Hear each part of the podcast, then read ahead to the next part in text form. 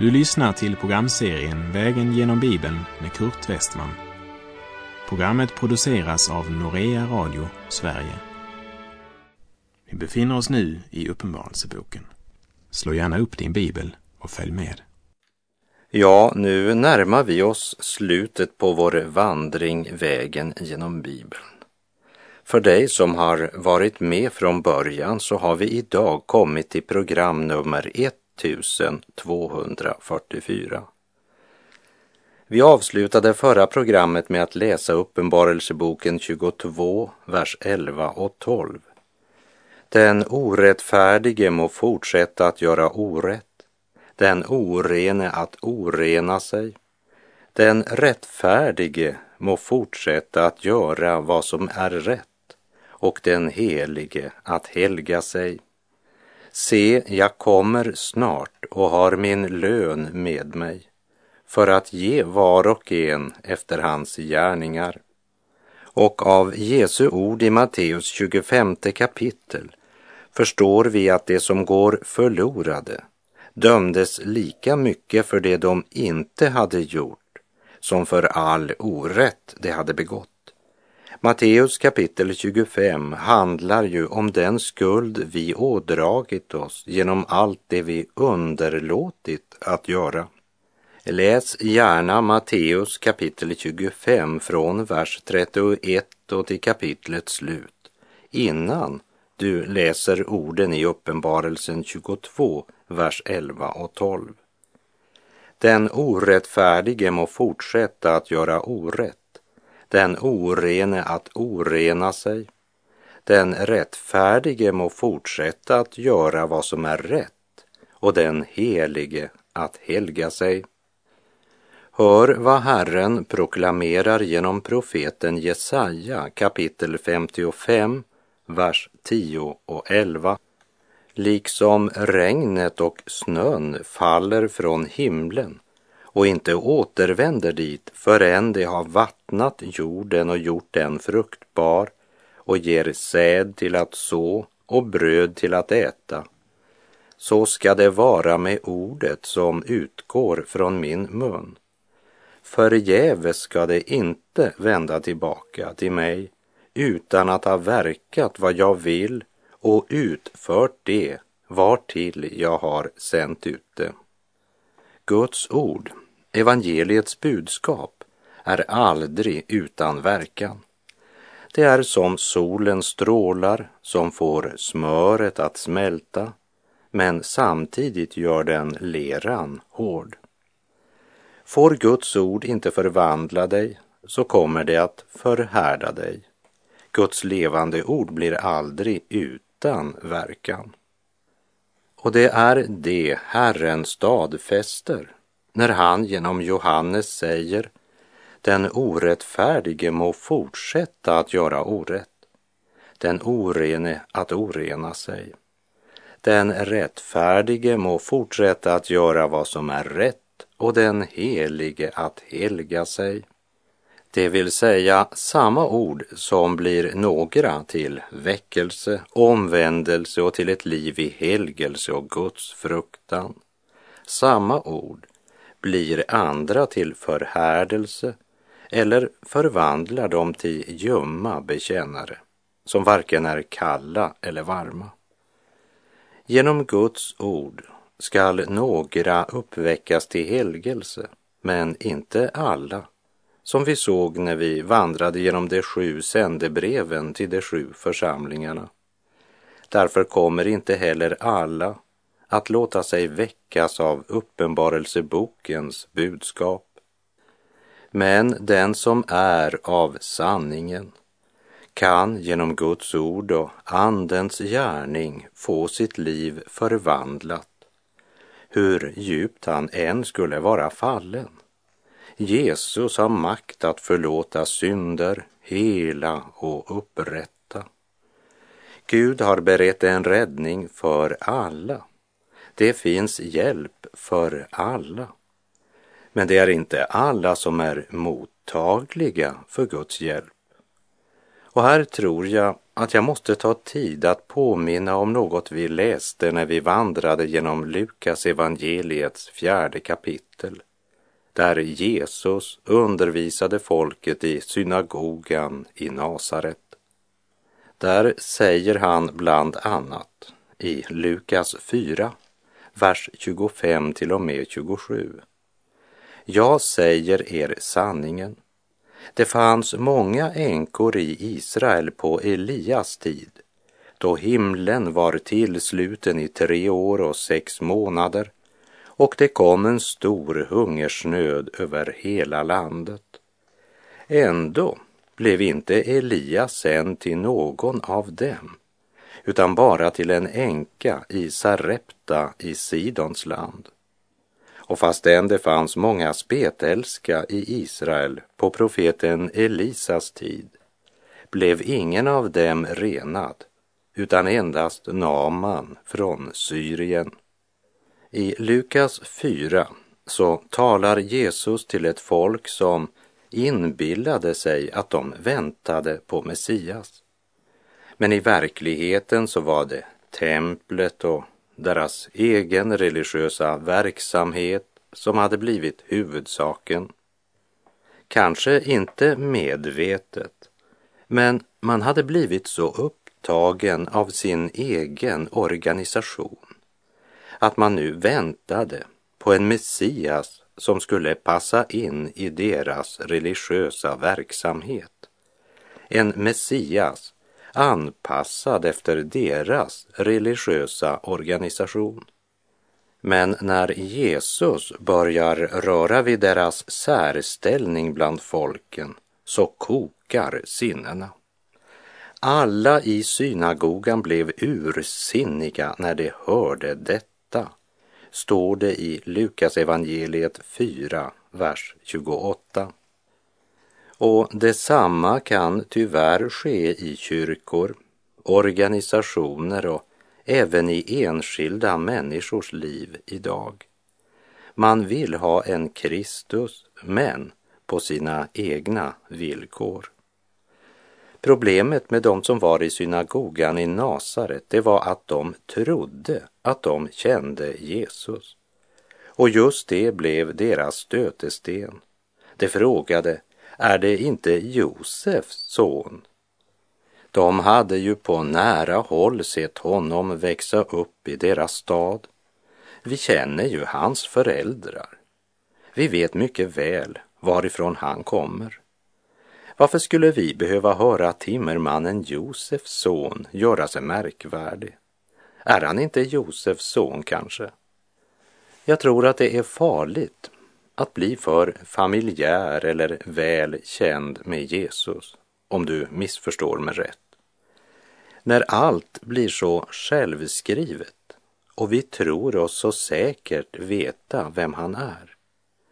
Här i tiden känner vi honom aldrig fullt och helt. Och problemet med människorna i Nasarets synagoga var att de trodde, eller rättare sagt inbillade sig att de kände honom. Men det gjorde de inte. De hade nog på nära håll sett honom växa upp i deras stad.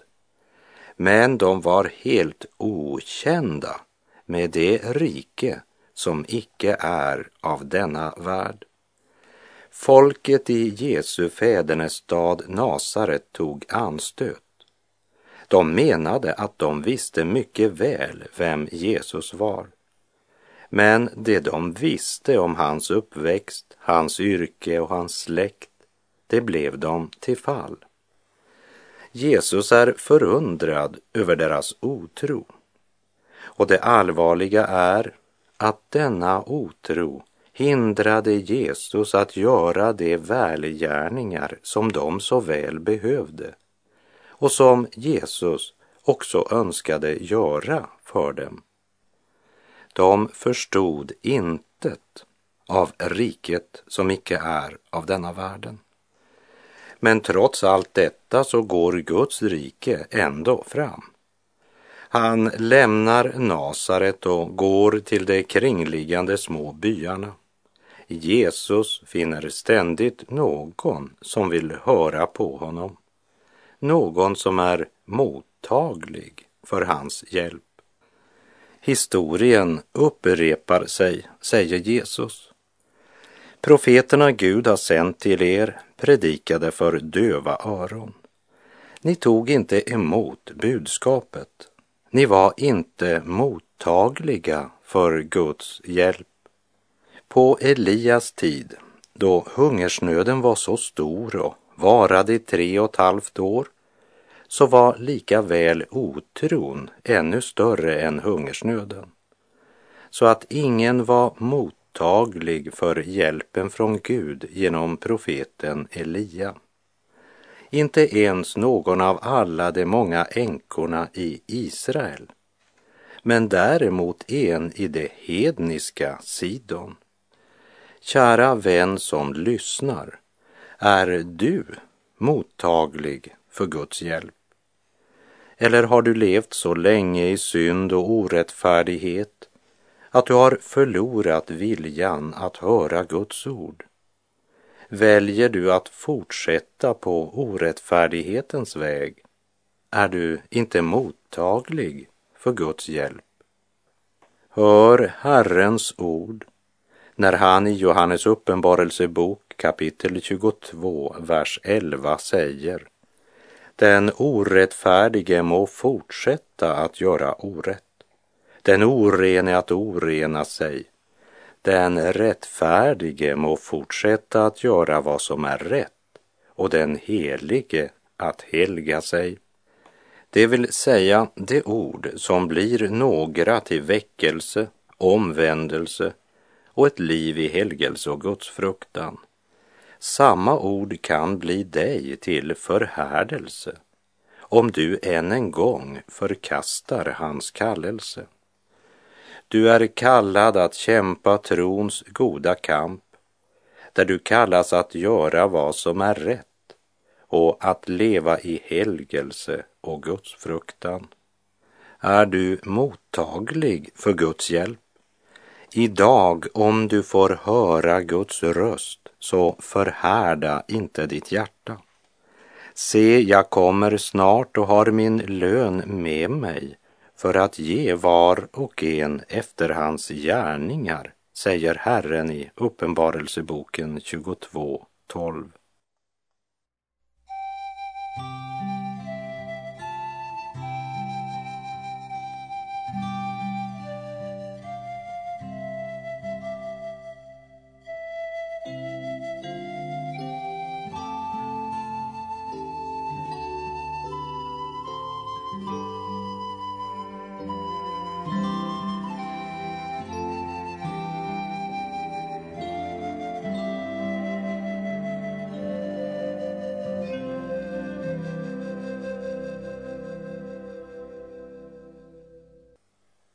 Vi repeterar Uppenbarelseboken 22, vers 11 och 12. Den orättfärdige må fortsätta att göra orätt, den orene att orena sig och den rättfärdige må fortsätta att göra vad som är rätt och den helige att helga sig. Se, jag kommer snart och har min lön med mig för att ge var och en efter hans gärningar. Herren har själv sagt att han en dag skall ge var och en efter hans gärningar. Var och en säger oss att det kommer en dag då vi inte längre kan gömma oss bakom varandra. En dag då alla murar och kamouflage blir genomskinligare än fönsterglas. En dag då alla lögner, alla ursäkter och bortförklaringar brinner som torrt gräs. En dag då sanningen om oss skall fram i ljuset helt och fullt, vare sig vi vill det eller inte. När Gud kallar oss att stå inför hans tron och avlägga räkenskap för våra liv, då kan vi inte tacka nej. Då säger Gud kom och vi kommer det kan du lita på. Och den dagen, den kommer för var och en av oss. Dagen då Gud skall döma det som är fördolt hos människorna. Allt enligt det evangelium som jag predikar på Jesu Kristi uppdrag, säger Paulus i Romarbrevets andra kapitel. Det som är fördolt, vad är det för något? Ja, det är allt det där som du trodde att ingen annan visste något om. Sånt som du lyckats dölja för andra. Men en dag ska det fram i ljuset allt sammans, varje liten tanke och handling, allt. Det kommer en dag, säger Herren, som jag ska ge var och en efter hans gärningar. Och han som säger det, vem är han? Vi läser Uppenbarelseboken 22, 13. Jag är A och O, den förste och den siste, begynnelsen och änden. Uppenbarelseboken började med att Herren presenterade sig just med de orden. Jag är A och O. Jag citerar Uppenbarelseboken 1, vers 7 och 8.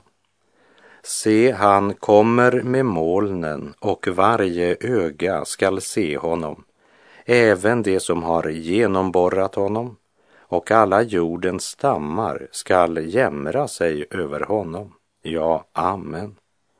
Jag är A och O, säger Herren, han som är och som var och som kommer, den allsmäktige. I början av Uppenbarelseboken när Herren presenterar sig som den förste pekar han samtidigt framåt och säger, jag är också den siste.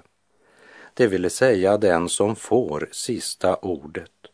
När Satans makt är krossad och rättfärdigheten för evigt skall råda. Och här i det sista kapitlet, när det nu är uppenbart för alla, även för Guds och Kristi fiender, att Herren Gud skall regera i evighet, så pekar Herren tillbaka och påminner om att han som är den siste också är den förste. Jag är A och O, den förste och den siste, begynnelsen och änden. I det första kapitlet så proklamerade han också att han är den som är och som var och som kommer, den allsmäktige. Herren är, det talar om nutid, ögonblicket. Herren var talar om det förgångna. Herren kommer pekar framåt och talar om framtiden. Oberoende av vilken tid vi talar om är Herren närvarande och han är den allsmäktige som en dag ska ge var och en efter hans gärningar. Inte undra på att Paulus kunde skriva då känner jag Kristus och kraften från hans uppståndelse och delar hans lidanden genom att bli lik honom i en död med honom i hoppet om att nå fram till uppståndelsen från de döda. Inte som om jag redan har gripit det eller redan har nått det målet men jag jagar efter att gripa det eftersom jag själv har blivit gripen av Kristus Jesus. Bröder, jag menar inte att jag redan har gripit det, men ett gör jag. Jag glömmer det som ligger bakom och sträcker mig mot det som ligger framför och jagar mot målet för att vinna segerpriset Guds kallelse till himlen i Kristus Jesus, som det står i Filipperbrevet 3, verserna 10 till och med 14. I Uppenbarelseboken 1.8 är det Gud Fadern, den allsmäktige som kallar sig för A och O, han som är och som var och som kommer. I Uppenbarelseboken 1, vers 17 och 18 är det Kristus som kallar sig den första och den siste och den levande. Och så tillägger han, jag var död och se, jag lever i evigheternas evigheter och har nycklarna till döden och helvetet. Och i Uppenbarelseboken 22, vers 12 och 13 säger Kristus följande. Se, jag kommer snart och har min lön med mig för att ge var och en efter hans gärningar. Jag är A och O, den förste och den siste, begynnelsen och änden. Här ska vi ha klart för oss att ordet snart inte betyder inom kort eller genast, utan det är ett ord som talar om att när han kommer, kommer han plötsligt, överraskande. Med andra ord, när han kommer sker det i ett ögonblick. Då hinner man inte tänka sig om. Det sker i hast. Se, jag kommer plötsligt i ett ögonblick och har min lön med mig för att ge var och en efter hans gärningar. Jag är A och O, den första och den siste, begynnelsen och änden. Vi läser Uppenbarelseboken 22, vers 14 och 15. Saliga är de som tvättar sina kläder. De ska få rätt till livets träd och få komma in i staden genom dess portar. Men utanför är hundarna och trollkarlarna, de otuktiga och mördarna, avgudadyrkarna och alla som älskar lögn och far med osanning. Än en gång markerar skriften mycket klart att mänskligheten är delad i två. Bibeln talar om människolivets två utgångar. För oss så ser det många gånger ut som om det fanns hundratals grupper av människor och massor av utgångar från jordelivet. Men i verkligheten är det bara två. Den ena det är det som dör i tron på Kristus, Guds lam. Och den andra, det är det som dör utan Guds lam. Utan utan syndernas förlåtelse, utan hopp, evigt förlorade. Jesus själv uttrycker det så här i Matteus 25, vers 31 till och med 34 när Människosonen kommer i sin härlighet och alla änglar med honom, då ska han sätta sig på sin härlighetstron och alla folk skall samlas inför honom och han ska skilja dem från varandra som en herde skiljer fåren från getterna och fåren skall han ställa på sin högra sida och getterna på den vänstra. Då skall konungen säga till dem som står på hans högra sida. Kom, ni min faders välsignade och ta i besittning det rike som stått färdigt åt er från världens begynnelse. Jesus talar om det ögonblick när vetet och ogräset skiljs från varandra ögonblicket och det som var dolt för människor blir uppenbarat. Ögonblicket då alla knän skall böja sig för Jesu namn och alla tungor bekänna Gud, Fadern till ära, att Jesus Kristus är Herren, som det står i Filipperbrevets andra kapitel. När domaren Kristus på Guds befallning delar mänskligheten. Och den dagen är det några som hör till det evigt saliga, medan andra tillhör det evigt förlorade. Och genom Johannes så säger Herren, saliga är de som tvättar sina kläder. De ska få rätt till livets träd och få komma in i staden genom dess portar. Men hur tvättar man sina kläder? Saliga är de som tvättar sina kläder. De ska få rätt till livets träd och få komma in genom stadens portar. Det låter ju som gärningslära.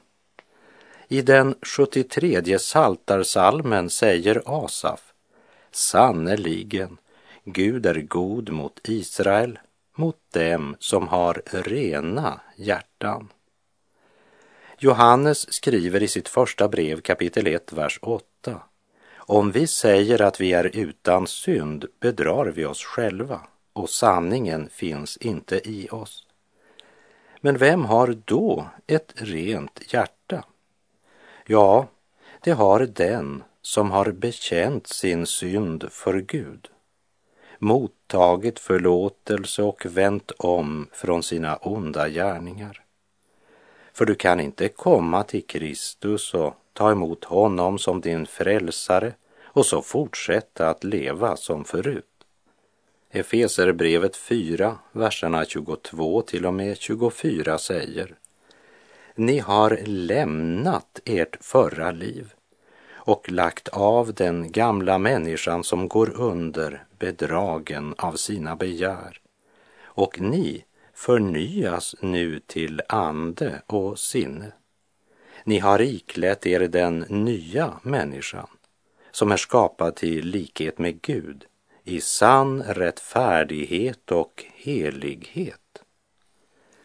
Det som renar sig är de som lever i ljuset, lever i syndernas förlåtelse och daglig förnyelse. Ett rent hjärta betyder alltså inte ett syndfritt hjärta, men ett hjärta som är helt med Herren. Ett odelat hjärta.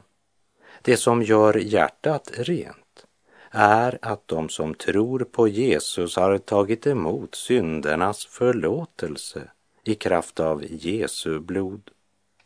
Kära vän, tvätta dig i Lammets blod i Jesu fullbordade frälsningsverk.